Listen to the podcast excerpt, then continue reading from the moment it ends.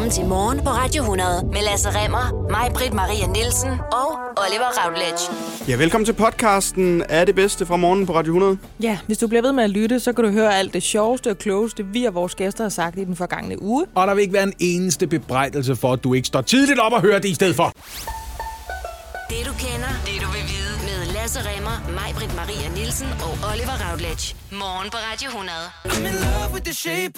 Ja, det siger du, Ed Sheeran, men hvis du var Instagram, så ville du ikke være så tosset med formerne på Jason Derulo. Nej, øhm, han lagde jo for relativt nyligt et billede på Instagram, Jason Derulo, hvor han står og ser flot ud. Altså, Jeg vil sige, at han er skarpt skåret. han er rigtig skarp skåret i et par sorte underhakker og ellers intet andet. Jeg tror, der er mange 30-årige mænd, der tænker, sådan der, Det gad jeg godt.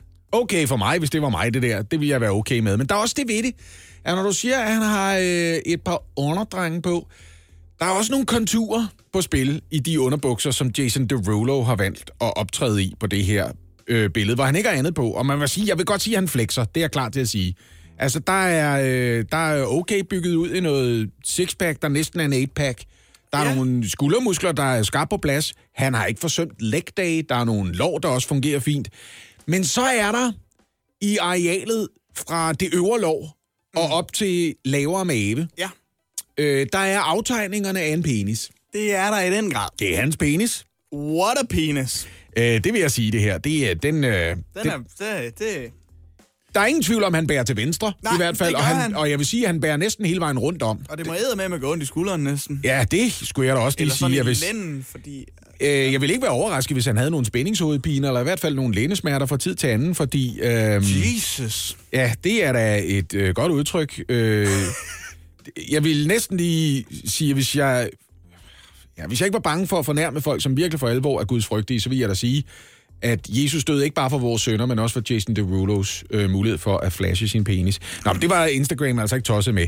Hvad, hvad jeg prøver at sige, det er bare, det, det er... Øh, hvis det var en kødpølse, så ville der være nok til hele weekenden. Det vil der. Til en familie med Ja. seks personer eller sådan Der noget. Ikke? er nok der øh, til medister hele julen. Jeg tror, at der kan skives, og selv rigelige skiver, Ja, gavmildskilder. Og, og stadigvæk være nok øh, til alle de rundnummer, du kan skære, skære et solidt øh, Mm. råbrød øh, fra bageren, ikke? Ja, det, man må øh, altså tippe på hatten og sige, det er flot. Ja. Men øh, Instagram synes ikke, det var så flot. De var ikke så imponeret.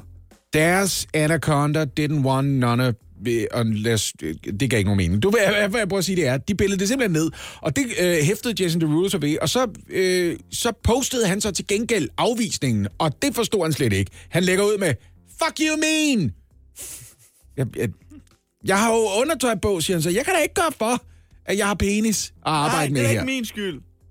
Ved du hvad, Oliver, så er der jo så det at sige til det, at hvis man så sammenligner med, øh, hvad der ellers har floreret af undertøjsbilleder af Jason Derulo, så er vi simpelthen nødt til at slå fast, at det her, det er ikke i 100% ubegejstret tilstand, det der øh, billede er taget. Eller Nå. også, eller, eller også, eller også, så varierer størrelsen bare meget efter temperaturforholdene, fordi der findes andre billeder Jason Derulo, hvor han kun har underbukser på, hvor vi ikke er oppe og snakker om de samme dimensioner. Og det er det, Instagram hæfter sig ved. Det er, hvis du tydeligt fremstår som seksuelt opstemt, så har vi et problem med det. Kan man ikke operere sig øh, til sådan noget? Sådan noget synes jeg jo også er kompliceret, ikke? Fordi på den anden side kan man sige, de er ikke tosset med kvindelige brystvorter. Det er jo en sær ting, for en brystvorte er en brystvorte, ikke? Jo, det Grænsen for, hvornår man kan se et bryst, går åbenbart ved brystvorten. Jo, men Jason Derulo står jo i bare bryst her. Man, må, man kan sagtens se Jason Derulos brystvørte. For eksempel. Så han er jo blevet ramt af det, som mange kvinder ikke må på Instagram. Det er rigtigt nok, så der har han ligesom, der har han fået nogle fordele til gengæld den modsatte ja. vej. Men jeg vil også sige, at hvis øh, kvinder for eksempel har en florlet bomulds-t-shirt på, Ja. og man kan se konturerne af irrigerede brystvorter, så kan det jo både skyldes kulde og seksuelt opstemthed. Og der kommer tvivlen dem til gode. gør hvor man ligesom siger, nå, men det, det kunne godt være, at, at du sidder og tænker nogle uartige tanker, eller nogen har kærtegnet dig på en måde, du finder behagelig, umiddelbart før billedet er blevet taget. Men det er vi okay med. Grænsen går så åbenbart ved øh, opstemt penis. Øh, Jason Derulo, så sidenhen, da han er blevet øh, øh, adspurgt sagt, at han var højst semi-begejstret på det her tidspunkt. Nå, det er jo også semi. det er jo en mand, der altså har brug for at sige, og den bliver større end det her. Ah. Ikke? Så han ved jo også godt, hvad det er, han har gang i. Men Jason Derulos argument, det er, det her det er hyklerisk. Så han er en shower. Øhm, Men stadigvæk også en, han er en grower og en shower. Det tror jeg, det der er hans argument, det er, den er allerede stor, og den kan blive endnu større. ikke? Ej, det kan Wow. Ja. Det er altså... Hvis den kan blive... Hold da op! Ja, ikke også? Er det, er den, er den, det, det, det, det, vi, nu skældner vi, når vi bruger det engelske udtryk grower eller shower. Det, er det det, man på dansk vil sige? Er, er der tale om øh, kød eller blod her? Ja, det... Ja. Ikke? Ja. Og der er vi jo mange, der er jo altså første gang, vi øh, klæder os af i fremmed selskab, lige har brug for at understrege. Øh, Den ja, kan jeg godt. vi, her, her, når foråret først kommer, så vil der være, Ja, ja. Øh, så, vil, så vil der blive, så vil bedet vokse, Præcis. ikke også? Altså, når først solen stråler rammer, Så, så, så ser den bedre ud. så vil også denne solsikke ja. Strække sig mod himlen. Og men den nu ligner blot et korn. Men det problem har Jason Derulo ikke her i starten af december. Og jeg tror, det er det, Jason Derulo gerne vil vide, øh, vil have rigtig mange mennesker ved. Jeg tror faktisk, det er det, det handler om, hvis jeg skal være helt ærlig. Det, nu skal man jo ikke motiv spekulere, Nej, men det gør jeg så alligevel. ja, det synes jeg også godt, vi må på det i den her sag, fordi øh, vi har da også, hvad det er, han er blevet bandlyst for. Ja, det er det, ikke? Og der slettet for. ja, og og jeg vil sige, at... Hvis jeg var indehaver, Ja. så kunne jeg da godt tænke mig, at så mange folk som muligt vidste det. Altså, ja, det ved jeg ikke. Altså, det vil jeg da selvfølgelig gerne have, ikke? Men på den anden side, jeg tror også, jeg vil blive stoppet tit i tollen i lufthavnen, for eksempel, af folk, som siger, hvad, hvad er det der? Er det weed eller kokain? Eller, Ja. eller, er, det, eller er det ægte penis? Det kan ikke være rigtigt. Er det det? Øh, og jeg glædet mig virkelig meget til det her. Så Astralis er børsnoteret nu, Oliver. Det blev det i går, ja. Yep. Øhm, og jeg forstår stadigvæk ikke vanvittigt meget af Counter-Strike Global Operations. Jeg opdagede, at det Go betyder. Det betyder ikke bare Counter-Strike. Kom i gang. Nej. Øh, at GO står også for noget. Så prøvede jeg at se en lille smule af tv-dækningen, for jeg tænkte, det kunne da godt være, at det var fedt på et tidspunkt at sidde i en arena sammen med tusindvis af andre mennesker, og de der klappepølser, man sidder og hugger løs med. Så vil jeg gerne lige vide, hvad der er, der foregår. Ligesom Anne gør med sin kæreste. Ja, det gør du jo Hver åbenbart. weekend, ja. Og de ja. bliver udleveret, kan jeg sige, de der klappepølser. Altså, er din kæreste, eller hvad? De ligger, de ligger på stolen, når man ankommer. Jamen, kan du mærke, at jeg føler mig super gammel her, når jeg siger, nå, okay, det er åbenbart noget, Mark står og udleverer til folk, når man kommer ind ad døren. det gør han ikke. Men lad os få styr på det her, Lasse. Ja, det tænker jeg kunne være en god idé, og derfor har Oliver øh, været så sød lige at sørge for, at jeg får en mulighed for at stille nogle spørgsmål. Øh, prøv at høre. Min øh, gode kollega, Simon Talbot, er ikke bare en vanvittig morsom mand. Han er også en mand, som har besluttet sig for på det medie, som jeg faktisk godt kender, hallo, der hedder Twitch, og sidder livestreamen, når han selv spiller. Ja. Øh, mest fordi han synes, det er sjovt, men så tænker jeg, at af dem, jeg kender, der er han den, der ved mest om det, så lad os prøve at stille ham nogle spørgsmål. Godmorgen, Simon Talbot. Godmorgen, godmorgen. Hej. Okay.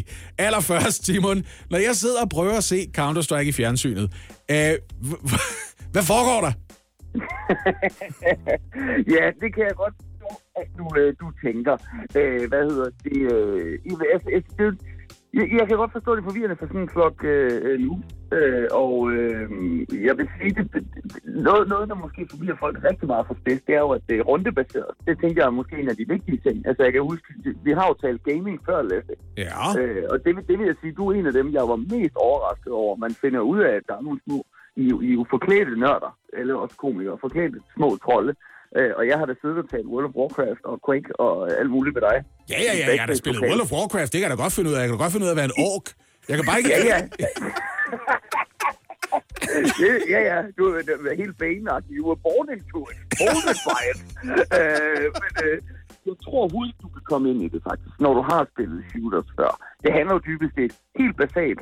Øh, dræb de andre, øh, og så øh, vinder dit hold. Dit hold skal vinde over det andet hold. Så, og så, så slutter runden, og så kommer der en ny runde.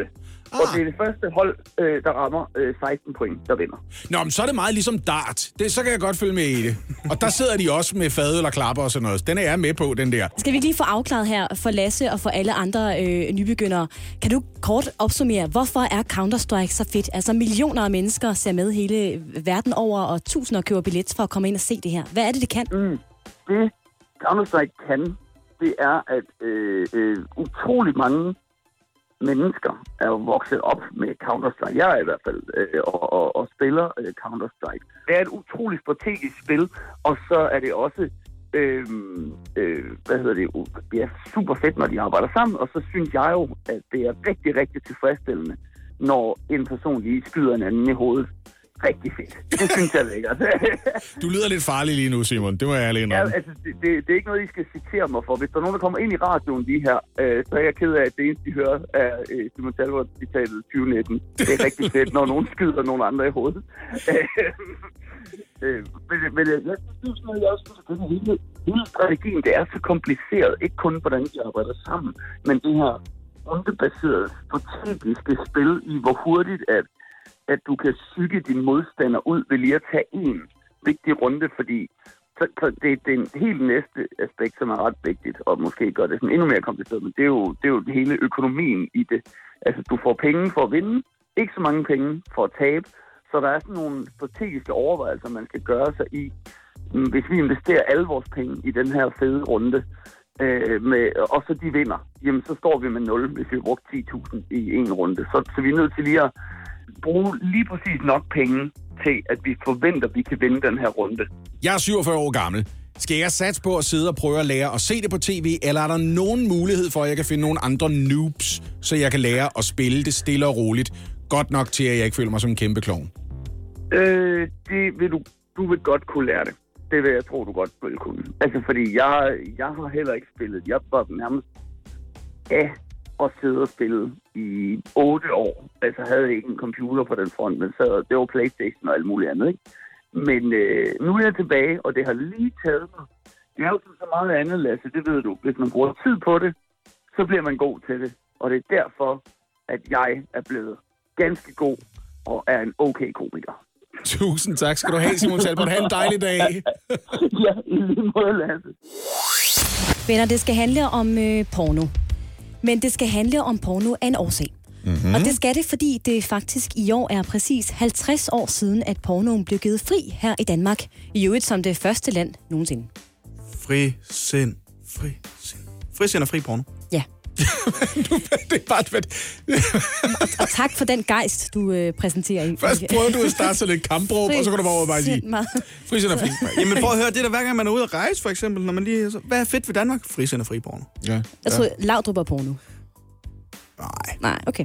Men øh, Christi Dagblad, de har valgt at fejre det her med noget, som øh, jeg personligt elsker, nemlig en rundspørge.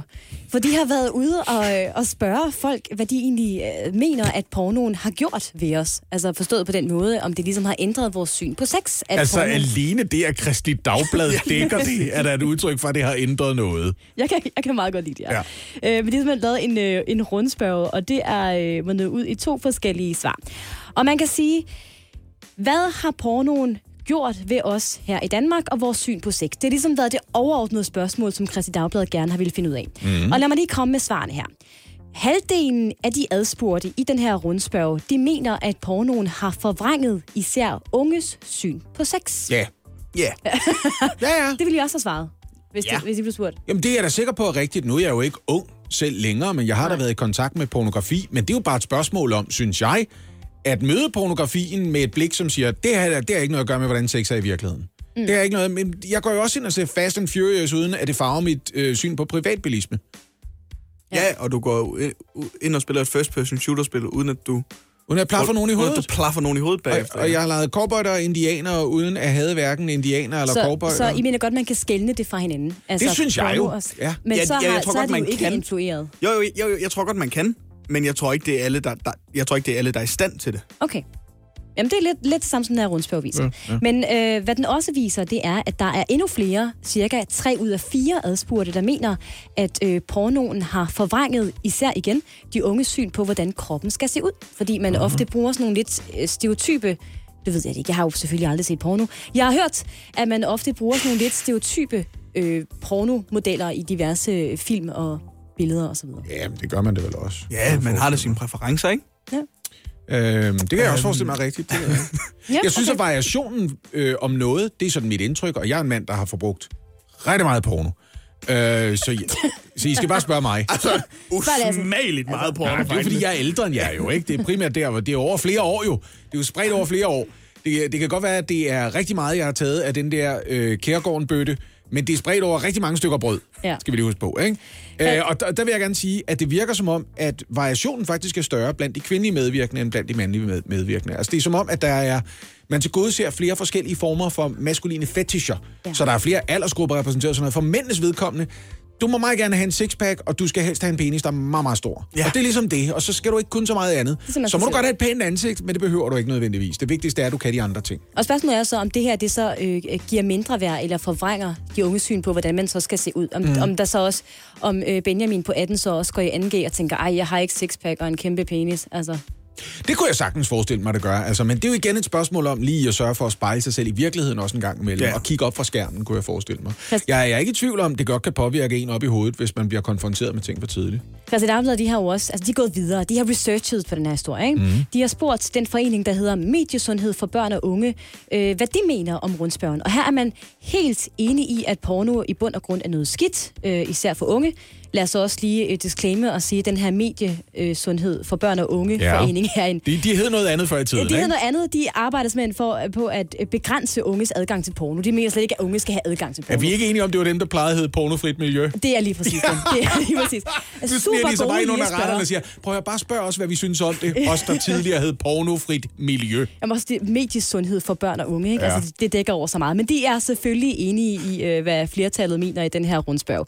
Men det interessante er så, at Christi Vi Dagblad... kalder os ikke længere veganere, men lækker madelskere. Lige præcis. Jamen, det, det handler om, hvordan man framer det, ikke? Ja, ja. Øh, Christi Dagblad, de er gået videre, og de har også spurgt øh, sex og samfund, som jo ligesom er i berøring, så at sige, øh, med børn og unge på landets skoler i forhold til, hvad de, hvad de føler og tænker omkring sex nu til dags. Mm. Og her er nationalchef Lene Stavnsgaard faktisk overhovedet ikke enig altså i, at porno ligesom har en lidt dårlig indflydelse på børn og unges syn. Lad mig Okay. lige komme med et øh, citat her. Ja. Når vi er ude på skolerne for at tale om porno, så møder vi unge, som er nuanceret og reflekteret. De diskuterer, hvad der er godt og dårligt ved porno, for spørgsmålet er komplekst. Mm. Det vil sige, at de godt kan skelne mellem, at et samleje måske ikke varer en time, og at penis ikke altid er 30 cm lang. What? En ny verden. Men altså, de mener godt, at unge ligesom kan skelne mellem porno og virkelighed, ikke? Forhåbentlig er det sandt. Det og der er igen den der ting med, at vi bliver så bekymrede, ja. den ældre generation, for hvor skeptiske unge er. Men vi talte jo tidligere om, at af alle aldersgrupper, man har undersøgt, så er det for eksempel unge mennesker, der er mest skeptiske over for smartphones i det hele taget. Ja. Måske har unge mennesker bare et mere kritisk blik, end forstokkede gamle røvhuller, som mig i virkeligheden har. Det, det, det er egentlig også det, jeg sådan tænker lidt om det her. Altså, man kan godt skælne, ikke? Man Mhm. ved godt, at det knald ikke varer en time, og der ikke altid er fuld plade i orgasme bingo. Prøv at høre, et knæk kan sagtens vare en time, hvis man lige holder en pause på en 50 minutter med Claus. så, så er der ingen problemer. Man også jamen, så har man også gjort den tre gange, ikke? Skat, skal du også have en dyrlægens natmad? Åh, oh, nej. Man kan da godt blive sulten undervejs. Det er bare det, jeg siger. Ja, Ja, og, selvfølgelig. og med undervejs mener jeg efter en 5-10 minutter, ikke? Of course. Lige opdage, at man har andre behov. Må jeg ikke lige her afslutningsvis sige, at øh, jeg synes, jeg har jo øh, researchet lidt, da jeg skulle præsentere jer for den her historie, og jeg fandt en artikel øh, i Ud at se, der handler om det her med 50-året for pornoens frigivelse, der har lavet den fedeste rubrik ever. Er I klar? Mm. Ja. Der er et syndigt land.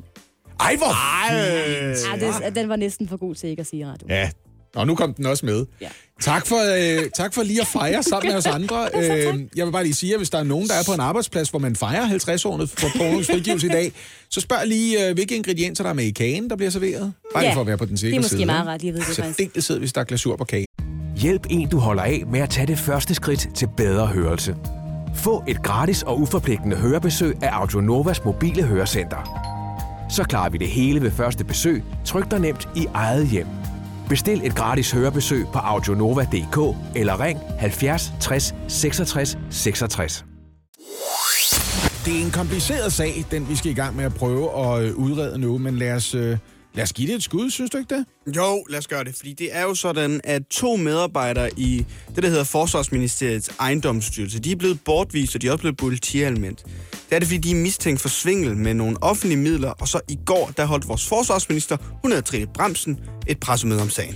Så lad os lige prøve at give dig et overblik over, hvad den her sag den handler om. Allerførst, lad os lige få styr på Forsvarsministeriets ejendomsstyrelse, fordi det er en offentligt ejet virksomhed, eller styrelse selvfølgelig også, ikke?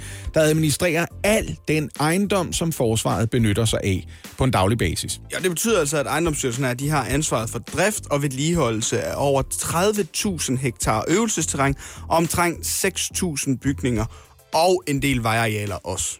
Nå, altså, der er opstået mistanke til de her to øh, medarbejdere, og det opstod på grund af en whistleblower, der i 2018 henvendte sig til Rigsrevisionen.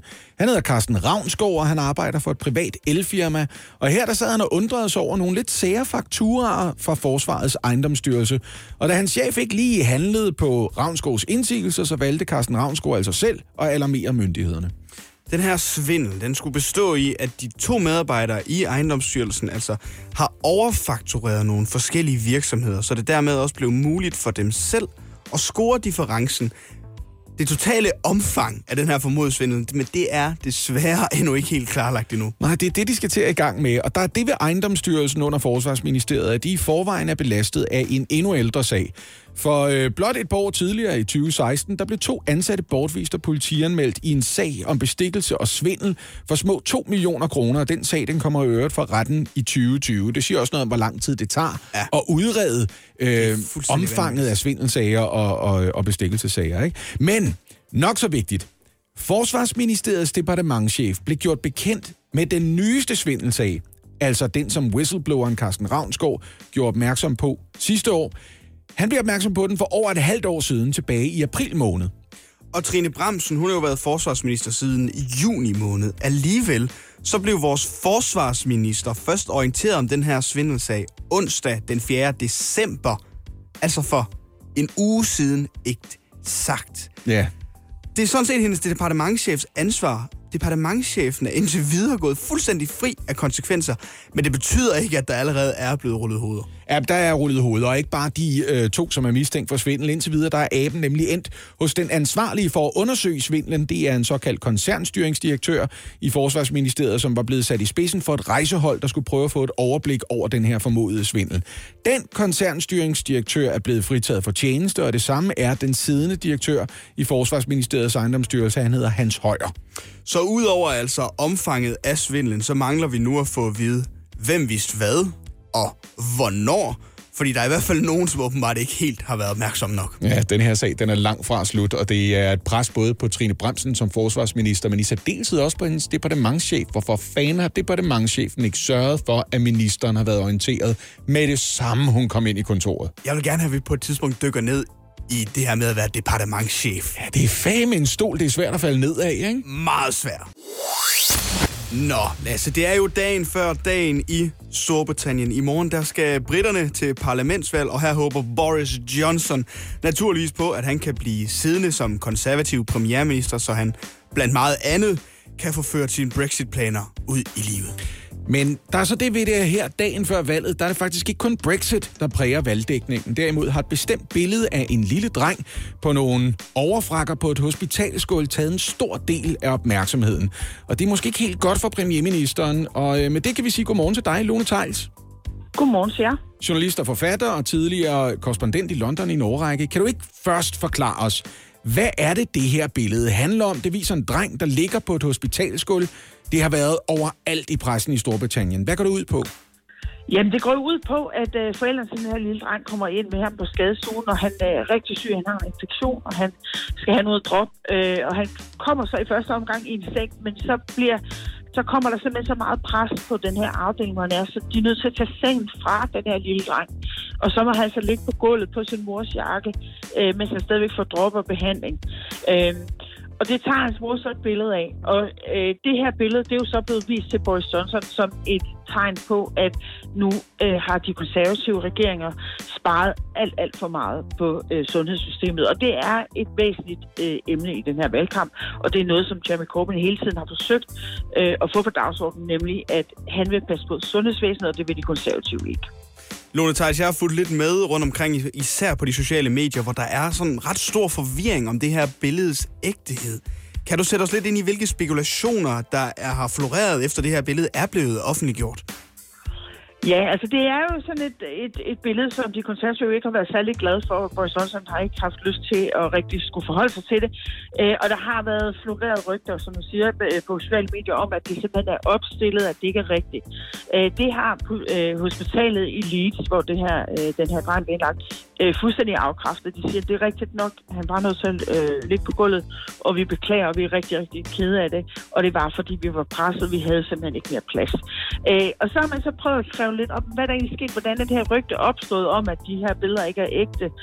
Øh, og der har man altså kunne spore sig frem til, at der er en eller anden kvinde, som har lagt ud på Twitter, at hun kender en sygeplejerske på det her hospital, og sygeplejersken siger, at det var ikke et ægte billede osv.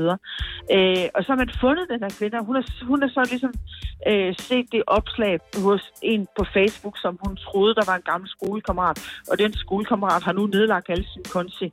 Øh, så det ligner sådan lidt klassisk øh, forsøg på manipulation. Og så er der noget med, at Boris Johnson, han reagerede ret abrupt, da en journalist prøvede at vise ham det her billede. Det har måske heller ikke været så godt for ham. Hvordan var det, hans reaktion var?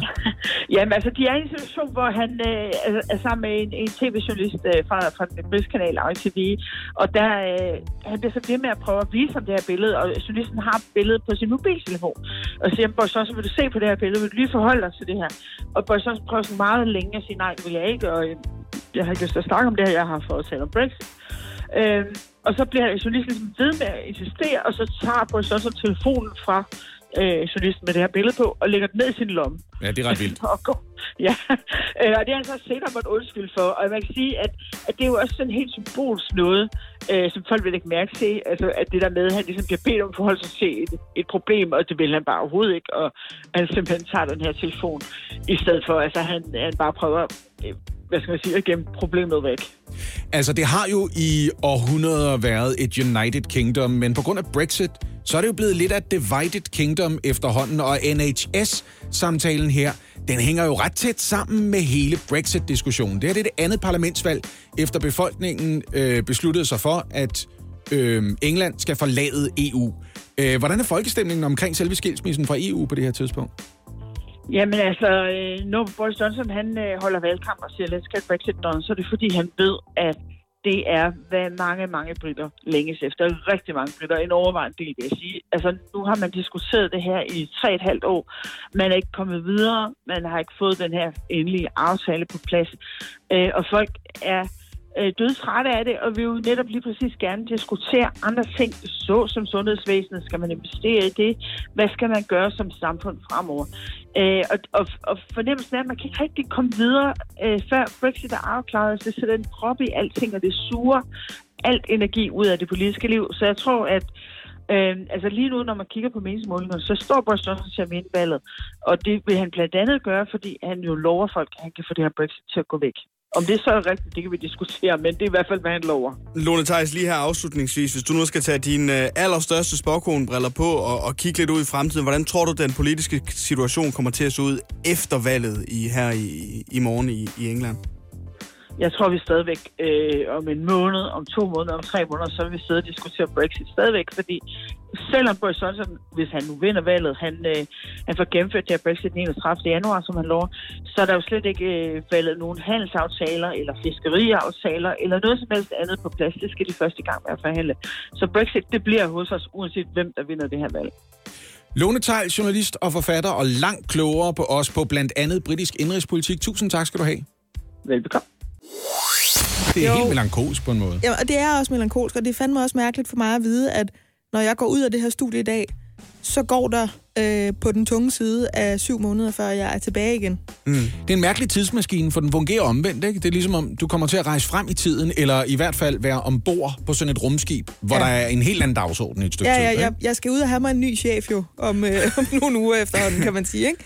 Og, og en, vil jeg sige, en chef, det kan være vanskeligt at arbejde for. En chef, som... Ja. Altså, der er man på arbejde 24 timer i døgnet. Og en Ja. chef, der engang imellem siger, prøv at høre, jeg nåede ikke ud på toilettet. Og det, der Det, kommer til at det ske regner nu, jeg med, at hun kommer til at sige det først lange stykke tid. Ja, det også- det Hvis jeg pludselig finder hende ude på tønden, så bliver jeg sgu overrasket. Og til de lyttere, der må tænke, hvad fanden er det, de snakker om? Mm. Jeg skal på barsel. Ja. Det er det simpelthen. Ja, ja. Hvad med sådan noget fødselsforberedelse? Det skal vi faktisk til i dag. Nå, For jeg første første gang. hvordan går det? Men Jamen, det er så det- første gang i dag. Ja, øh, vi har taget imod, jeg ved ikke, om det er det samme i alle øh, regioner, men vi har taget imod de to gange, som det sygehus, man skal føde på, tilbyder. Og det skal vi så i dag. Vi skal også op og se, hvordan ser fødestuen ud. Og så vil jeg tro, ah. vi skal have sådan noget at vide med. hvornår er det, man skal ringe? Altså, Ja. hvor, hvor ondt må det gøre, før man skal sætte sig ud i bilen? Og, Hvor langt skal der være mellem V'erne? Alt, alt det der, ikke? Ja. Og så har jeg en klar forventning om, at vi skal sidde på den der måde, hvor man sidder i en rundkreds nede på gulvet, hvor så sidder jeg sådan ligesom inde i, hos min kæreste, Sideske. Der sidder bag Ja, ved dig ja, præcis. og holder om maven. og holder om maven, og- eller holder sådan, du ved, i haserne på mine ben, Ja. ja. og så skal jeg øve mig i at sige Ja.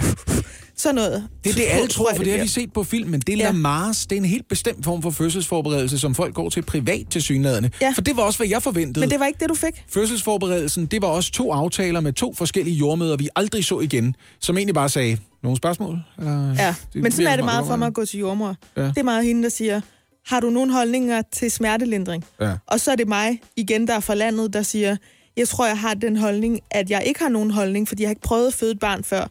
Ja. Selvom jeg godt ved, at der er nogle kvinder, der siger, min fødsel skal bare være mig, der knæler ned i en kornmark, og så tager jeg selv imod mit barn, og så kommer der øh, nogen med en zinkbalje og noget varmt vand, og så klarer vi det.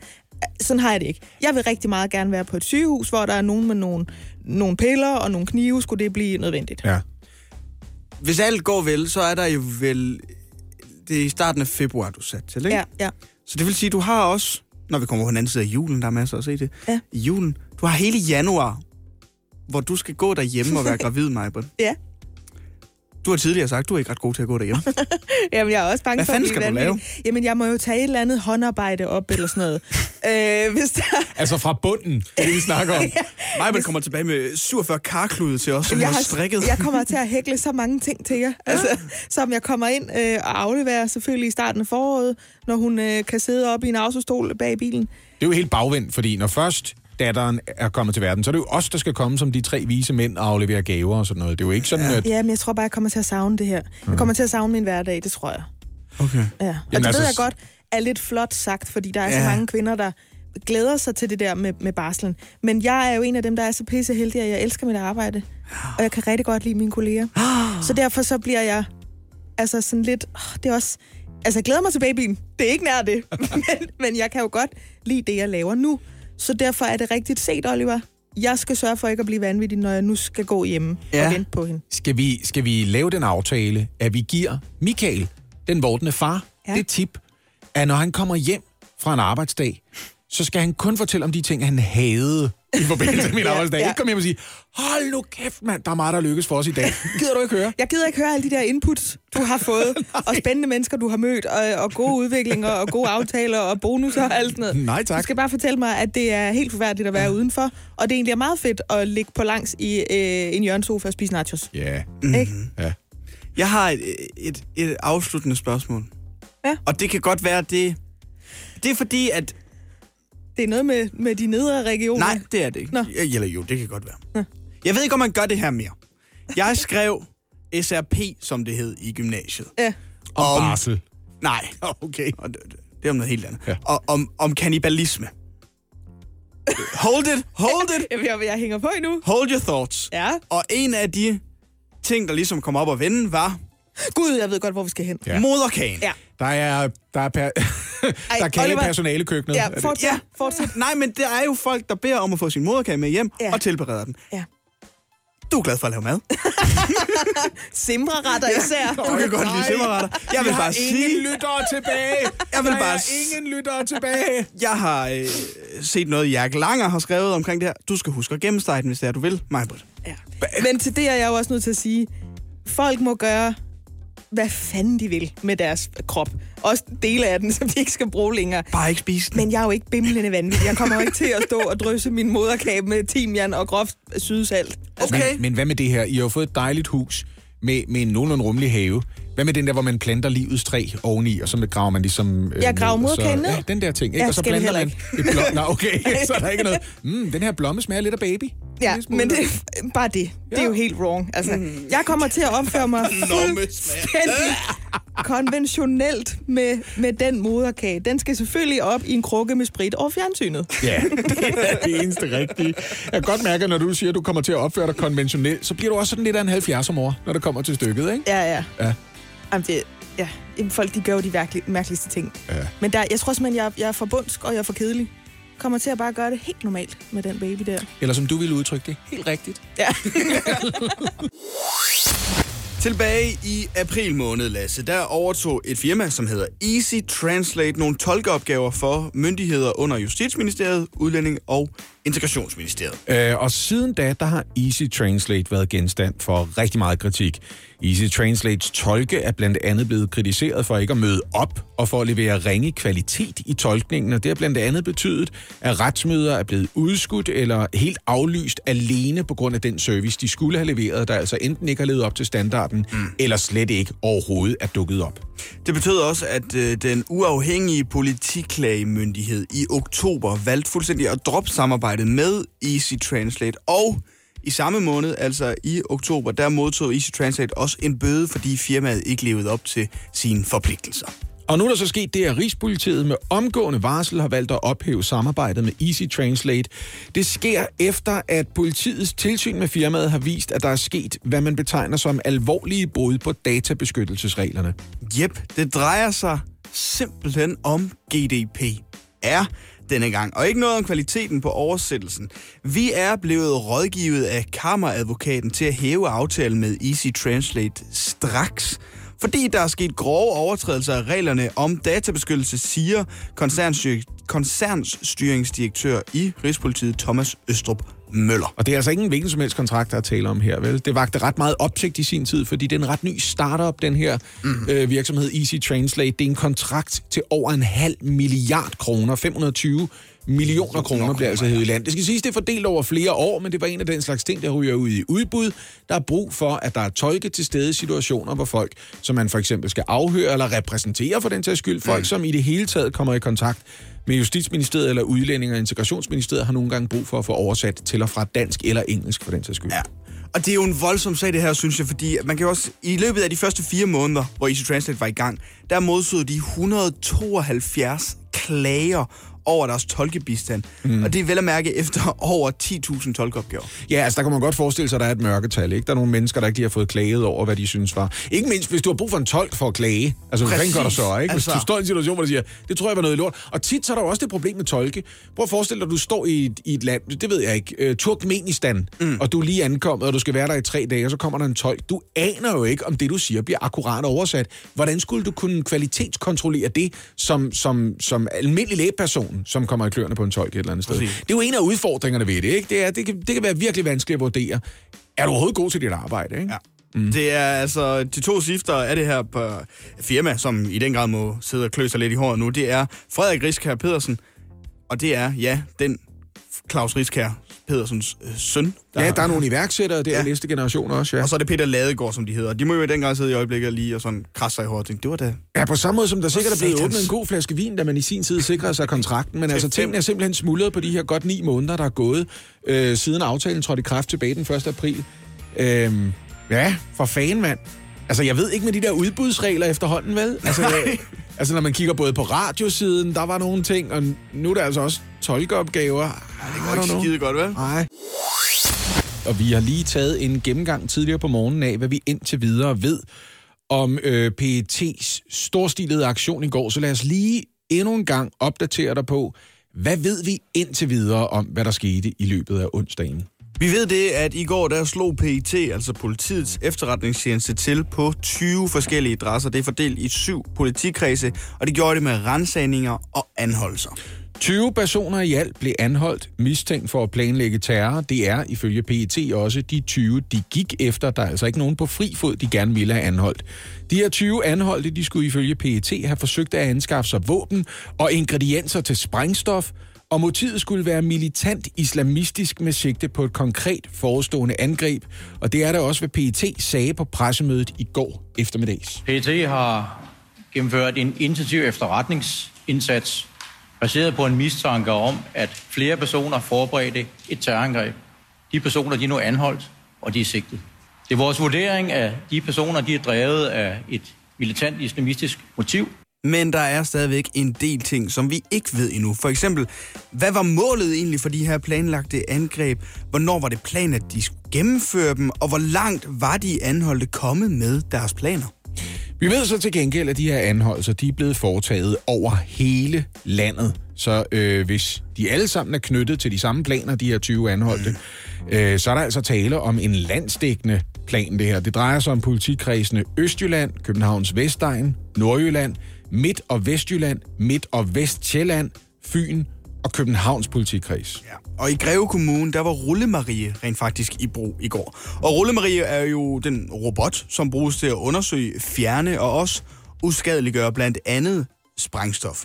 Og det skete på en adresse, hvor øjenvidner har set to mænd og to kvinder sidst i 20'erne blive anholdt og derefter ført bort. Ja, altså fordi på et par af de her adresser, hvor PET er slået til, der har journalister i øvrigt også været til stede, eller så er der andre mennesker, der har lagt mærke til, her foregik noget, og så har de øh, noteret sig, hvad, hvad, hvad der skete. Så på samme måde så har øjenvidner set PET anholdt mindst en kvinde i Valby på Sjælør Boulevard, hvor hun blev ført bort, iført håndjern, mens flyttekasser blev båret ud fra adressen. Sandsynligvis fyldt med formodet bevismateriale. Det er Ja, hvert det må fald, man, hvad, øh, hvad vi må regne med. Det ikke? må man regne med, ja. Mm. Og en del af de her 20 anholdte, de vil allerede i dag blive fremstillet i det, der hedder grundlovsforhør, og de bliver sigtet for overtrædelse af terrorparagrafen. Og det gælder jo ikke nødvendigvis alle anholdte. Det vil vise sig, hvor mange PET mener, de har begrundet mistanke om øh, er involveret i de her terrorplaner. Ved grundlovsforhøret der, forhøret, der vil sigtelserne blive læst op offentligt, og så vil resten af forhøret komme til at foregå for lukkede døre hensyn til den fortsatte efterforskning. Ja. Strafferammen for at planlægge terror er op til 10 års fængsel, alt efter hvor alvorlige planerne er. Godmorgen, Cecilia. Godmorgen. Hvad er du med til os i dag? Jamen, jeg har en salgsannonce med i dag på Danmarks billigste hus. Ja, Øh, Danmarks Ah. billigste hus, skulle det monstro være et villatelt? ej. Men hvad tror I, det ligger på? Hvad tror I, det koster? Nå, hvad det koster? Ja. Hvad det- Sådan, 100 skudførsel. 120.000. Og det er billigt sat, det der, for jeg ville have gættet på 199, og der tænkte jeg, der kan du dårligt nok få en grund for de penge, så det er sikkert, fordi der er en masse oprydning, ikke? Hvor ligger vi henne? Vi ligger på 85.000 kroner. Det mener du ikke alvorligt. Jo, præcis. Og det svarer til en kvadratmeterpris på bare 650 kroner. Og for lige at sætte det i perspektiv, så i København, der ligger kvadratmeterprisen på 46.862 kroner. Altså cirka 80 gange så meget, kan jeg godt regne ud, ikke? Yes. Wow. Det er altså rimelig vildt, ikke? Ja, det vil jeg da også sige. Ja.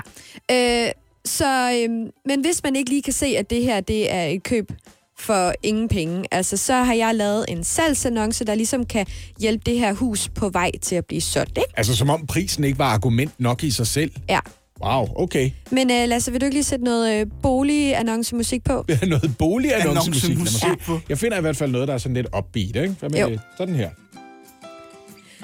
Ligger du inde med 85.000 kroner, som du ikke ved, hvad du skal bruge på, så kan du jo købe en Hyundai i10, altså den der minibil.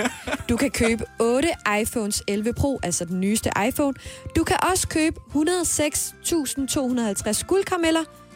Og Altid guldkammer. så kan du købe en vaskeægte møgejendom i den sønderjyske vestkystby Skærbæk. Huset er fra 1890, måler 131 kvadratmeter og rummer fire værelser. Men det kan faktisk være fuldstændig lige meget, for ejendommen er overhovedet ikke indflytningsklar. Nej. Væggene krakelerer, fliserne hænger skævt, og rørene er rustne. Faktisk er huset så faldefærdigt indvendigt, såvel som udvendigt, at det ikke kan betale sig andet end at rive lortet ned. Åh, oh, for fanden, mand. Jeg synes ikke, du overbeviser særlig meget lige nu. Nej. Men til gengæld så får du en 1954 skri- kvadratmeter stor grund i et forholdsvis øget, men naturgrønt område at boldre sig på. Og du får muligheden for ikke at kede dig det næste lange stykke tid. Er du stadig ikke overbevist, Det er kan, jeg ikke, kan jeg godt fortælle dig lige nu. så kan området måske lokke.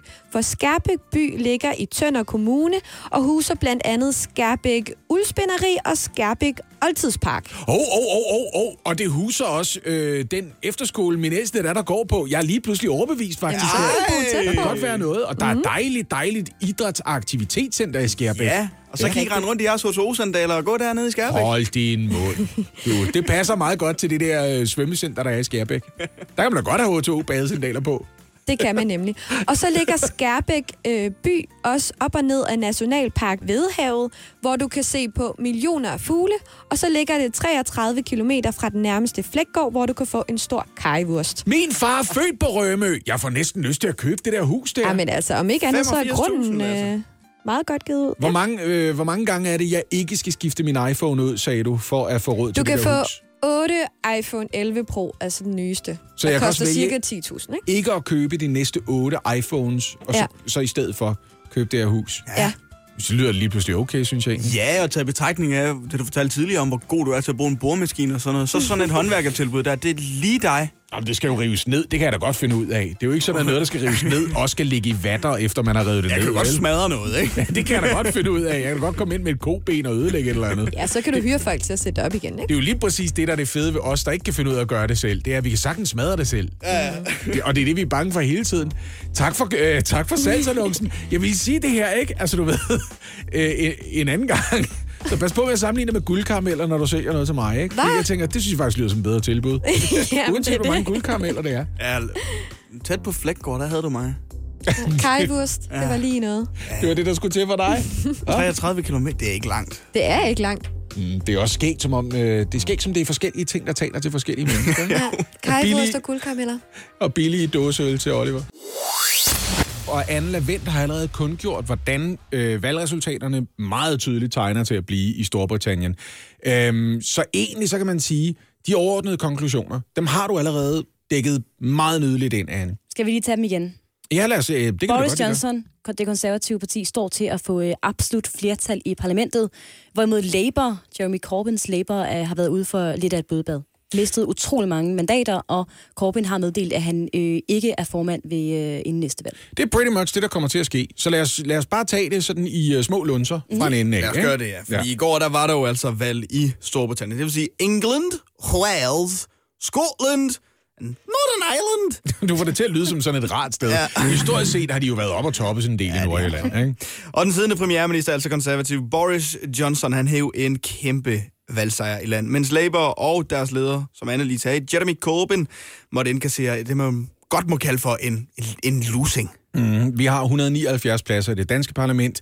Der er de noget mere grådige i Storbritannien. Der er 650 pladser i underhuset, altså det beslutningsmyndige parlament, man har på de kanter. Det betyder banalt set, der skal 326 pladser til at have absolut flertal i parlamentet. I praksis ikke så mange, fordi Sinn Féin, det nordirske uafhængighedspoliti, sådan historisk set også nogle kontroversielle typer, de har simpelthen øh, beslutter sig for at boykotte underhuset. De kommer slet ikke derover. Altså, de stiller op, de får nogle mandater, de gider ikke deltage i beslutningsprocessen øh, over i London. Så i praksis lidt flere end 326. Nå, indtil videre, der tyder optællingerne altså på en øh, fremgang på omtrent 50 pladser eller mere til for Boris Johnson og hans Tories, og en tilbagegang på over 40 pladser for Labour, og altså for Jeremy Corbyn. Ja, det betyder altså samtidig en sejr for Boris Johnsons løfte om, at han jo så om sider vil sørge for at få afrundet de her langstrakte Brexit-forhandlinger og processer, enten forhandle altså en aftale på plads, så Storbritannien dermed har mulighed for at forlade EU, eller så bliver han nødt til at acceptere, at Storbritannien forlader EU uden at have en samlet aftale. Skal bare lige repetere EU. det her. Det er jo lykkedes at forhandle aftaler på plads med EU. Det er så bare blevet forkastet af parlamentet. Ja, det er og så bare blevet stemt ned i underhuset, Og så får man hele tiden nye deadlines igen og igen. Mm. Det var et valgmotto for Boris Johnson, get Brexit done. Ja. Altså et løfte om, nu bliver det ikke trukket i langdrag længere. Ikke? Nå, omvendt så er det altså slut for Labours leder, Jeremy Corbyn, som Anne lige nævnte. Han har nemlig trukket sig efter det dårligste valgresultat for hans parti i omtrent 80 år. Så langt så godt. De der ting har vi efterhånden ret godt styr på. Ja, ikke? præcis. Og kommentatorer mener altså, at Corbyn har været med. Ja, han har været sådan lidt for langt til venstre på den økonomiske politik. Han har også været lidt for glad for Rusland, for eksempel, og lidt for slatten i sin retspolitik. Og man mener, at det er derfor, at det er gået skidt for, for Corbyn og Labour. Så har der været nogle anklager om, at der har været noget pro-palæstinensisk og øh, øh, antisemitisk øh, strømning i Labour, som Corbyn måske selv har været en lille smule en del af, og derfor har været for langsom til at tage afstand fra. Der har været en masse små ting, ikke? Nå. Der har været vælgere, der ikke var særlig glade for hver- hverken Boris Johnson eller for at se Storbritannien forlade EU, men de har så omvendt simpelthen brudt sig endnu mindre om Corbyn, end de har gjort om Boris Johnson, ja. og det er muligvis det, der har skiftet stemmerne. De er allerede i gang med at analysere med andre ord. Ja, der er jo mange, der, har troet, at okay, der er jo øh, kommet flere unge vælgere til, som mm. har set, hvordan det er gået med Brexit, øh, da vi stemte om det i 2016. Så det var sådan lidt Jeremy Corbyns håb, at mange af de her unge vælgere vil se, at det er gået helvedes til. Mm. Øh, lad os få ændret på det, ikke? Men vi skal måske også lige forklare, hvordan man håndterer sådan et parlaments embedsmand i Storbritannien, fordi man kan roligt sige, at det går noget anderledes, end hvordan vi gør i Danmark. Ja, altså de er mere på linje med USA. Ikke? Ganske vist, så er der mere end to partier i det britiske parlament. Ingen af de øvrige partier kan sætte sig på mere end cirka 40 pladser i et parlament, der altså vel og mærke, som tidligere sagt, har 650 pladser i alt. Men historisk set, så har det stort set altid været et partis flertalsregering. Det britiske valgsystem er, som sagt, altså noget anderledes skruet sammen end for eksempel Danmark, fordi i Storbritannien, der benytter de sig af et såkaldt first past the post system. Okay, og det vil groft sagt sige det her. Der er én valgkreds per mandat. Den kandidat, der får flest stemmer i den valgkreds, får også mandatet, det ene mandat, der er. Og sådan et system, det indebærer også, at hvis et parti får 51 procent af stemmerne i hver eneste valgkreds, så får de med sikkerhed 100 procent af mandaterne i parlamentet. Altså, øh, det er om noget et system, som favoriserer øh, det marginalt største parti, kunne man sige. I den grad, fordi i Danmark, der har vi jo det her valgsystem, der gør, at mandater i langt højere grad sådan fordeles, så de afspejler stemmefordelingen på landsplanet her til lands. Jeg så faktisk i dag en undersøgelse, som tørt konstaterede, at hvis vi kørte det samme system i Danmark, first past the post, så ville mm. Socialdemokraterne have 78 procent af pladserne i Folketinget. Ikke? Ja. Nå, et andet væsentligt udfald, vi også lige skal have nævnt, det er, at i Skotland, der har det skotske nationalistparti udsigt til et enormt flertal, og det betyder, at øh, Skotland nu vil arbejde mod uafhængighed fra resten af Storbritannien. Det er i hvert fald, hvad man, for, hvad man forventer, for det hvad de har lovet deres vælgere. Ja, dertil er det vigtigt at bemærke, at Skotland jo desuden hele tiden har været for øh, medlemskab af EU, og den her uafhængighedsbevægelse har også fået stærkt vind i sejlene af den, øhm, sådan, at, fordi Skotland gerne vil blive i EU, eller i hvert fald sådan blive medlem igen, når de så kan blive uafhængige Skotland. Ja, altså når man tænker på, hvor lang tid Brexit har taget, så skulle man nok også regne med, at hvis skotterne beslutter sig for uafhængighed fra Storbritannien, mm. så kommer det til at tage så lang tid, at de i mellemtiden er røget ud af EU sammen med resten af Storbritannien. Præcis. Så må de jo komme tilbage med hatten i hånden og sige, vi kunne faktisk godt tænke os at være medlemmer alligevel. Det kan I nok godt huske fra dengang, vi stemte som ja, del af Storbritannien. Nå, det var altså så godt, vi kunne gøre det overblik på den tid, vi havde til rådighed. Hjælp en, du holder af med at tage det første skridt til bedre hørelse. Få et gratis og uforpligtende hørebesøg af Audionovas mobile hørecenter. Så klarer vi det hele ved første besøg, tryk dig nemt i eget hjem. Bestil et gratis hørebesøg på audionova.dk eller ring 70 60 66 66. Kernefamilie, regnbuefamilie eller selvvalgt familie. Uanset hvilken familie I er, gør ASE arbejdslivet lidt lettere. Få én fagforening for hele familien til kun 99 kroner om måneden. Og se den ekstra rabat, du kan få på ase.dk. I går der udsendte Transport- og Boligministeriet en pressemeddelelse, som desværre, synes jeg, er en smule trist læsning. Fordi i årets første 10 måneder er der registreret 159 døde i trafikken, og det tal kan så holdes op imod 134, som var tallet på samme tid sidste år. Der er altså tale om en stigning i antal af trafikrelaterede dødsfald på omtrent 20 procent i forhold til 2018. Og det har så fået regeringen til at skride til handling. Der er blevet nedsat en helt ny færdselssikkerhedskommission. Og den skal beskæftige sig med tiltag og initiativer, der kan fremme og styrke indsatsen for øget trafiksikkerhed i Danmark. Og i den anledning, så kan vi nu sige godmorgen til transportminister her til lands, Benny Engelbrecht. Godmorgen. Hvad forventer du at få ud af den her øh, færdselskommission? Altså, hvad er det for nogle ting, som den skal komme frem til, som vi ikke allerede ved? Jamen, vi ved godt, at øh, det er uopmærksomheden. Vi ved også, at det er det, at folk tager chancer i trafikken, som gør, at der er særlig mange, eller hvad har været en, en øh, stagnering af, af nedgang i antallet af, af, af dræbte på vejene. Øh, og derfor så skal kommissionen jo, kommissionen består af gode folketingspolitikere, dygtige, kompetente mennesker, og så en masse aktører ude fra, øh, fra, fra virkeligheden, folk som ved noget om trafiksikkerhed. Og de skal så pege på, hvad, hvad er det vi egentlig, vi gør? Hvad er det, der skal til, før vi bliver mere opmærksomme i trafikken, for at vi tager bedre hensyn til hinanden? Fordi det er jo først og fremmest, øh, det er først og fremmest et spørgsmål om, hvordan vi, vi opfører os. Og for nu at være helt ærlig, jeg tror, vi alle sammen godt har set folk både i biler og på cykel, som har øh, opmærksomheden alle mulige andre steder hænge ind på trafikken, altså typisk på deres mobiltelefon. Det er jo en svær ting at takle det der, fordi det ved vi jo også godt, når vi bevæger os i trafikken. Vi er godt klar over, at vi ikke skal sidde og glo på den der lille skærm, og alligevel så er det ganske udbredt at gøre det under alle omstændigheder. Hvad fanden skal der til for at råbe os op? Altså, vi har haft rigtig mange udfordringer i tidens løb med jeg kan huske, da jeg var barn, der, øh, der var diskussionen, om man skulle bruge sikkerhedssele eller ej. og, og der var rigtig mange, der sagde, ej, det var, hvad nu hvis man kørte galt, øh, og man var nødt til at, at blive skåret fri og den slags ting. I dag er der ingen, der diskuterer, om man skal bruge en sikkerhedssele. Det gør vi naturligvis. Øh, man diskuterede også, kunne man tillade sig at liste en brænder ja, nej, det kan du selvfølgelig ikke, og, øh, og vores indstilling til, til det har ændret sig, når der er stor julefrokost øh, dag i dag, jamen så forventer jeg selvfølgelig også, at folk de lader bilen stå og, og tager det kollektive hjem, øh, eller de måske bare ligger og sover øh, på gulvet et sted. Ikke? øh, fordi så, sådan er det, det har vi vendt os til. Og på samme måde, så skal der også en ændring af kulturen til, for at vi holder op med at sidde og glo på den der lille skærm, og i stedet for kigger ud af, af forhuden, eller kigger frem på cykelstien, sådan så vi ikke brager ind i nogle andre. Men altså, nu siger du Færdselssikkerhedskommission som løsning på det her. Når jeg hører kommission som almindelig vælger, så tænker jeg, så går der sgu nok et par år. Har vi ikke fået selvkørende biler i mellemtiden, som passer meget bedre på os? Hvis det bare var så enkelt, at det var teknikken, det handlede om, og det kan vi jo desværre konstatere, det er det ikke. Altså, det handler meget om uopmærksomheden. Det er 95 procent af alle øh, øh, alvorlige trafikuheld, der handler om øh, om individets opførsel øh, og adfærd, og ikke om der er en, øh, en fejl på køretøjet, for eksempel. Øh, så, så vi er altså nødt til at passe bedre på hinanden, og det handler også om de bløde trafikanter.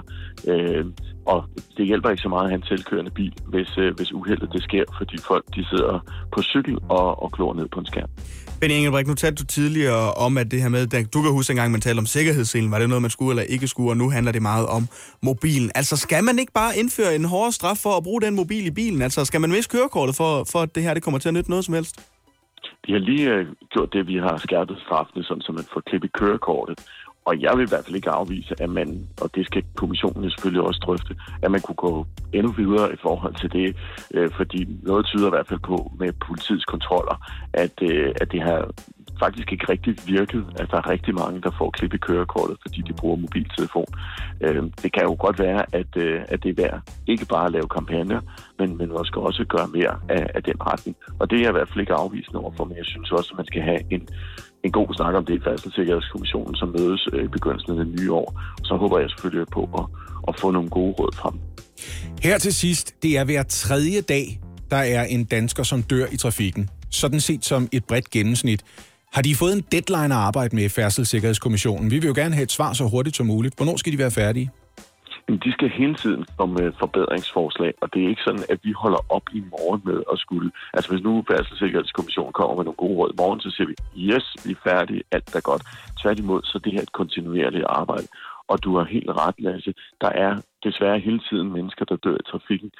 Men Faktisk er det sådan, at Danmark er de bedste i EU til at undgå trafikdræbte. Øh, og det skal vi jo gerne blive, øh, blive ved med at, at være europamestre i, øh, og, og måske virkelig også lære lidt fra os. Så når der for eksempel til februar er en international konference om trafiksikkerhed, så den foregår i Stockholm, så vil, så vil resten af verden nok kigge til os og sige, hvad er det egentlig, I gør så godt? Så selvom vi har udfordringer, så gør vi det faktisk ikke så ringe endda, for at sige det sådan med lidt jysk underdrevet tilgang. Transportminister her til lands, Benny Engelbrecht, tusind tak for din tid her til morgen. Selv tak. Ha' en rigtig god dag. I lige måde.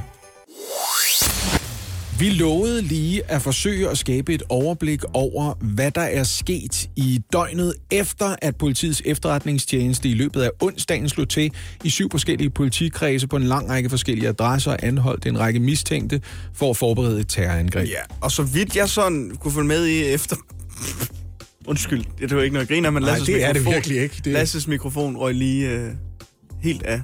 Kan du holde den der? Ja, den havnede ned i skødet på mig. Ja, den den hænger på så. sådan en stang, der øh, rækker Vi sig blev, frem imod. vi blev ikke så meget klogere i går i løbet af retssagen. Er det korrekt forstået, Anna?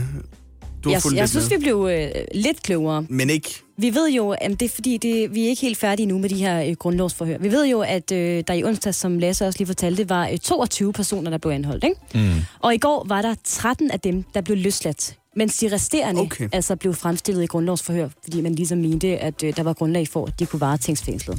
Og skal vi lige understrege det her, man varetægtsfængsler folk, hvis der er begrundet mistanke om, at de har begået et lovbrud, som kan medføre en straf på mindst halvandet års fængsel, og man i øvrigt mener, at det er rimeligt at formode, at personen, som bliver varetægtsfængslet, vil forsøge at unddrage sig straf, vil forsøge simpelthen at stikke af, begå ny kriminalitet eller besværliggøre efterforskningen bagefter. Så prøver man ligesom lige at fjerne dem fra efterforskningen og sikre sig, Yes. at de bliver i landet og ikke laver mere mere ballade, ikke? Og så er det rigtigt forstået mig, ikke, at der var et af de her grundlovsforhør, der sådan træk ud og endte med at sådan blive afbrudt. Hvad, hvad, hvad, handler det om? Ja, der var et af grundlovsforhørende, der endte med at øh, tage 11 timer i alt, øh, og derfor blev afgørelsen i de her grundlovsforhør altså udskudt øh, til i dag her omkring kl. 8.30. Det var lige om lidt, ja. Ja, og i den forbindelse er de fem personer, øh, en kvinde og fire mænd, der ligesom er sigtet for forsøg på at købe eller finansiere våben til brug ved terror, som det hedder. Men vi ved altså ikke endnu, om, om de her fem personer ender med at blive varetægtsfængslet.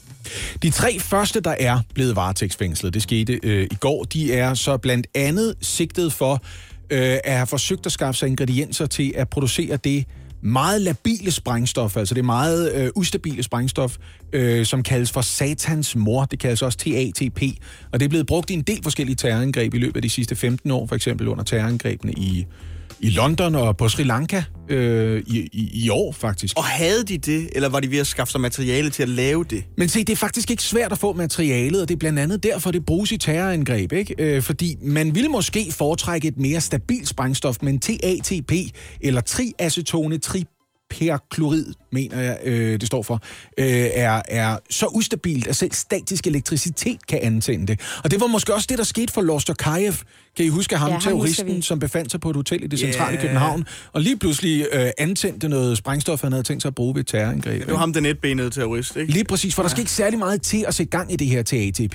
Det er også en af årsagerne til, at det er enormt risikabelt, når folk får fingre i det, for der skal ikke meget mere end et gram eller landet til at forvolde ganske voldsomme skader på en person, hvis man står og holder det i hænderne, for eksempel. Så det her, det er altså det er farlige varer, der er tale om, og det var også, hvad kundbypigen i øvrigt havde forsøgt at købe materialer til at Vi producere. ved jo også i den her sag i onsdags, der havde man jo også øh, rullemarie ude ved en af rensagningerne. Det var i Greve, ikke? Ja, og det har jo tydet på, at man i hvert fald har fundet et eller andet, man har vurderet har været øh, tilstrækkeligt farligt. Men vi ved jo ikke, hvor langt de har været i processen med at skaffe og Nej. bygge og kreere osv. Og nu skal vi jo ikke begynde at udlevere opskrifter på noget som helst overhovedet, men altså, der er tale om ingredienser, der blandt andet kan købes hos materialister.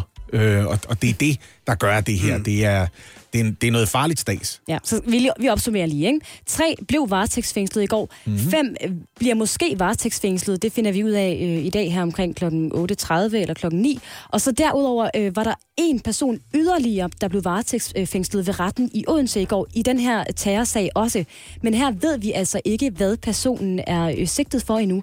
Og det gør vi ikke, fordi at den sag, altså hans sag, kører for øh, det, der hedder dobbelt lukkede døre. Okay, det er meget lukket. Det er rigtig lukket, så vi Ja, ved det gør simpelthen mig ikke, kæmpe hvilken nysgerrig. rolle. Min, min svigerfar er offentlig anklager i Odense, så det er muligvis hans sag, og han er så god til at holde sin kæft. Man kan simpelthen ikke vride noget ud af ham, for han ved fuldstændig 100% rent, hvad reglerne er. Ja. Så han kan sidde og vide en masse ting, og der er ikke engang noget hemmelighedsfuldt smil, der er bare, det kommer jeg ikke til at sige. Nej. Fordi det, det er sådan reglerne er, og det er sådan klaveret spiller. Og det skal han have tak for. Ja, Det skal Fordi han det er jo sådan, et retssamfund fungerer. han er så ikke? straight and narrow, altså. Men en ting er sikkert, lige så snart der er nyt i den her sag, så kommer vi til at følge det tæt. Ah, der må du undskylde, Mads Langer. Jeg føler mig som en elefant i en glasbutik her, når jeg bare vader ind i din sang og siger, desværre, vi kan ikke nå hele sangen. Det kan vi Det er jo ikke. sjovt, fordi Mads Langer engang har sunget, at han er like an elephant in a porcelain show. Ja, og det er også lidt fjollet, ikke? Fordi altså, øh, så skrøbelige er kvinder ikke. Det skulle jeg da lige hilse at sige. Det er mere som at være en form for elefant på en cementfabrik, af min oplevelse. Det er, de, de, kan godt, de kan godt tåle, at man bumler ind i et eller andet. Ja. Det er bare en fin opfattelse, du har der. Ja, men jeg mener bare psykologisk. Du skal da bare ikke have en eller anden idé om, Åh, nu Nej. kommer jeg med min store maskuline besværlighed. Ved du hvad, der er faktisk et kæmpe stort overlap, okay? Det Det er, er faktisk nogen, så- der ligger sådan lidt mere over på den feminine side, ikke? Så hallo? Skal vi lige se, hvor lang tid Lasse han kan svømme ud af den sø, han er i Ja, gang med? jeg har, Ja, jeg er allerede jeg har startet stopbuddet Jeg er allerede derude, hvor jeg træder vandet. Det kan jeg godt fortælle dig. Ved du hvad, der er, der er citatquiz, og det er selvfølgelig, fordi øh, det er fredag her, og fordi øh, Cecilie har lavet en citatquiz til os. Tusind tak skal du have, Cecilie. Jamen selv tak. Øh, jeg vil sige måske 2.000 tak, men det kommer jo lidt an på, øh, hvor godt jeg klarer mig i den her tid. Fordi jeg synes faktisk historisk set ikke, at det er gået så godt. Det er bedre for mig og Oliver her på det sidste, ikke? Ja. Jo, men øh, og nu er Majbrit her jo ikke, så det kan være, at chancen er øget for at få en guldkaramel. ja, det skulle man mene, men så kommer Anne sikkert Ja, bare. så er jeg her Ja. til gengæld, ikke? Men kan Ja. du lige læse reglerne op? Det kan du tro. I skal huske på, at man kan jo få to point for hvert citat i den her quiz. Ikke? Mm. Og det ene er, hvis man gætter, hvem der har sagt citatet, og det andet er, hvis man gætter konteksten, citatet er blevet sagt i. Ja. Mm. Og det er alt sammen ting, der er blevet sagt her på morgen øh, på Radio 100 i løbet af den her uge. Lige præcis. Og der har du begyndt at være lumsk, ikke? Fordi mm. nogle gange, så er det ikke engang, så er det for eksempel dig, eller, eller Ja. bare en eller anden nede på Eller en gaden, der har gæst, råbt eller- noget, eller sådan Ja, noget, ja, ikke? ja. Øh, øh. Ja. Nå, men lad os bare tage dem fra en ende af. Der er som altid 8 spørgsmål, 16 mulige point, og det allerførste kommer her. Er det en dromedar eller Camilla? Er det en dromedar eller, Eller Camilla? Camilla? Ja. Det er Lasse, der har sagt det der. Det lyder med med dumt, det der. det lyder som noget. Ja, det er Det jeg 100% godt Lasse. der har Men sagt. kan I huske, det er Ja, Lasse. Kan jeg I huske tænker øh, super tirsdag. Nej, Nå. Ja, fordi det er noget med dyr. han henviser til en sang, vi lige har hørt. Er, er det en dromedar eller Camilla Camilla Cabello? Cabello? Ja! Hvorfor, hvorfor vil jeg spørge, er det en dromedar eller Camilla? Hvad? Jamen Lasse, jeg ved Jeg ikke, det er din det ikke. humor. Ingen, der ved det. Det må være en dag, hvor du har haft grød i hovedet, Lasse. Altså, øh, det, det har været en dag, hvor jeg har vågnet omkring kvart over ni, tror jeg faktisk. Lad os gå hurtigt videre. Ja, så det ikke meget godt? Jo, jeg er da enig, lad os da se at komme meget hurtigt videre. Adam Øenslæger var også en flot mand dengang. Jeg tror også, han har haft syfilis et par gange. Det er 100% mig, Britt. Ja, Det var lyder som mig, meget. Britt, i onsdags, ja, da vi talte om øh, det her med øh, litterært... Øh, Dårlige sexscener. dårlige sexscener litterært, ja. Og, og så kom hun i tanker om en meget fin øh, Adam Øenslager passage, fordi jeg sad som en tosser og sagde, jeg læste en bog i 8. for det skulle vi, og der var nogle frække scener i. Så der var jeg helt galt. Men det var bare fordi, du ved, man kan altid komme ind og toppe den med, ja, det er sjovt, at du nævner ja. en eller anden ungdomsroman. Ønslager Markerer sagde jo. Ønslager. Ja, Øenslager, det vil jeg godt kan lide. Der er nok medister til hele julen. Det lyder frægt. det var også en lidt det var en fræk kontekst. sex-sammenhæng, der er nok med ja. til. Det, det var fordi, vi snakkede om Jason Derulo på Instagram, der er blevet pillet af, Åh, af Instagram, og, ja. ja. og i hans underbukser, der var der med dister nok til hele julen. Jason. Derulo. Hvem, Ja. hvem sagde det? Det sagde Lasse. Nej, det har været dig. Det, er, Det var Oliver, Nå, der sagde det. det er sgu da godt sagt af mig. Det var sige. sjovt. Det var ret sjovt. Jeg tænker, du kan være sjov. Tænk, at jeg kan sige sådan noget. Meget skik om det der dromedar. Hvor skete der for det? Må jeg lige understrege, at Lemang ikke har noget med risaler mande at gøre. Er du bare ude efter mig? Og der kan vi lige understrege, at Google Translate kan ikke sige ris eller mange. Risaler, man. Risaler, Ja, men det er Lasse, fordi at Le Mans var en af de mest googlede øh, steder i 2019. Le Mans byen. Ja, du er altså sjov på en scene, ikke, Lasse? Det er forfærdeligt, og tak fordi du siger det, men det siger ikke særlig meget lige nu. Det, det giver mere mening, hvis man udtaler risalemang korrekt, ikke? Så er det var fordi, vi var blevet enige om, det har ikke noget at gøre med 24 timers løbet, men det har heller ikke noget at gøre med, Men 24 timer Risa, er i Le Mans. Risa Le Mans. Le Mans. Le Mans. Åh, oh, hold op, mand. Ja, det, en joke bliver altid bedre, når man lige skal forklare, hvorfor det var sjovt. Tough crowd, siger jeg bare. Hold nu kæft. Vi har puttet vores slik i kælderen, så man aktivt skal gå to etager ned for at hente en guldkaramel. Det er mig. Ja, det er Levens. Ja, det er ikke sjovt. Æh, hvad var konteksten? Det er da skide sjovt, det der. For du har gjort det i ramme alvor, men alle dine underboer og overboer, de siger, åh oh, gud, mand, nu Nu kraften så meget fandme ud af hente chokolade igen, mand. Klokken er tre om natten. Meget afslørende. Ja. Hvad var konteksten? Hvad snakker vi om her? Øh, det var ikke noget med, at en lavend har sat en seddel op i gangen, der er blevet plastiklamineret, for den skal hænge året rundt, hvor der står, i aften, der kommer vi nok til at gå i kælderen. Hvis det er noget, der forstyrrer, så må I endelig lige kigge forbi til en øl eller en guldkaramel. Nej. Det var... Ja, det, Det var en undersøgelse, Lasse havde med. Og I var her alle sammen, ja. Det var en undersøgelse, som handlede om, hvordan man holder sig. Måske noget med mobiltelefonen? Ja, selvfølgelig. præcis. Det har noget at gøre med, at dem, der er mindst tilbøjelige til egen smartphone, det er de yngste. Åh, oh, det var nok et 3310-historien. Ja. Og Selvfølgelig. så sagde Oliver, at han placerer sin telefon langt væk fra sengen. Det gør jeg nemlig. For at undgå Stadigvæk. at sådan... Og så sagde jeg, at jeg placerede mine guldkarameller i kælderen. Ja. Som Nogle, nogle gange placerer jeg min bil ude, øh, i, min mobil ude i bilen. Det, den sætning havde givet mere mening, da jeg begyndte. Men det er ikke, det er ikke planlagt. Det er bare fordi, jeg til synligheden er blevet glemsom og ikke kan sætte en sætning sammen heller. Ej, hvor er det ærgerligt, hva'? Hvad er vi nået til syveren nu? Øh, sekseren. Øh, jeg vil godt have lov til at trække mig fra alt, hvad der hedder radio efter den her quiz. Det kan jeg godt mærke. Vi synes alle juleting ligner noget, man godt kunne jave op i numsen. Og der skulle stå Jave. Hvis det er mig, så går jeg nu.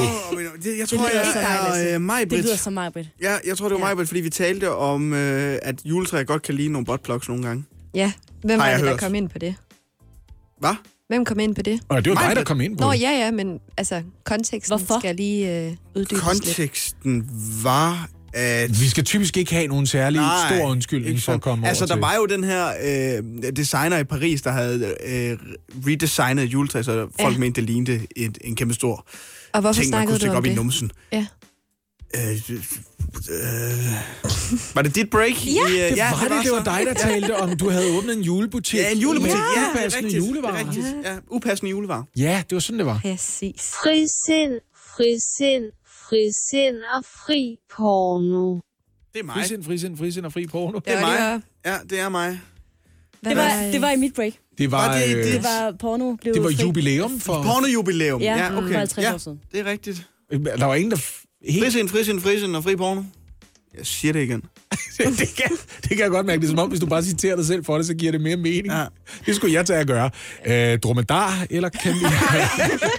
Det giver stadigvæk ikke mening, Lasse. Ja, jeg, det gør er det simpelthen det. ikke. Jeg har simpelthen til synligheden bare altså, været søvngænger hele den her. Jeg er virkelig ked af det. Det kan godt være. Jeg har taget rigtig meget af den der kærgården bøtte, men det er spredt over mange brød.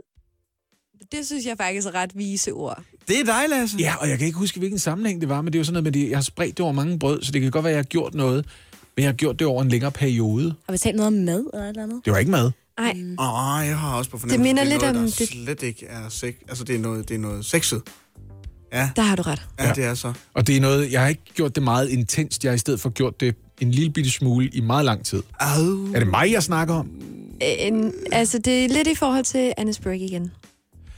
Porno? Nå, det var meget porno, du har set. Ja. Nå ja!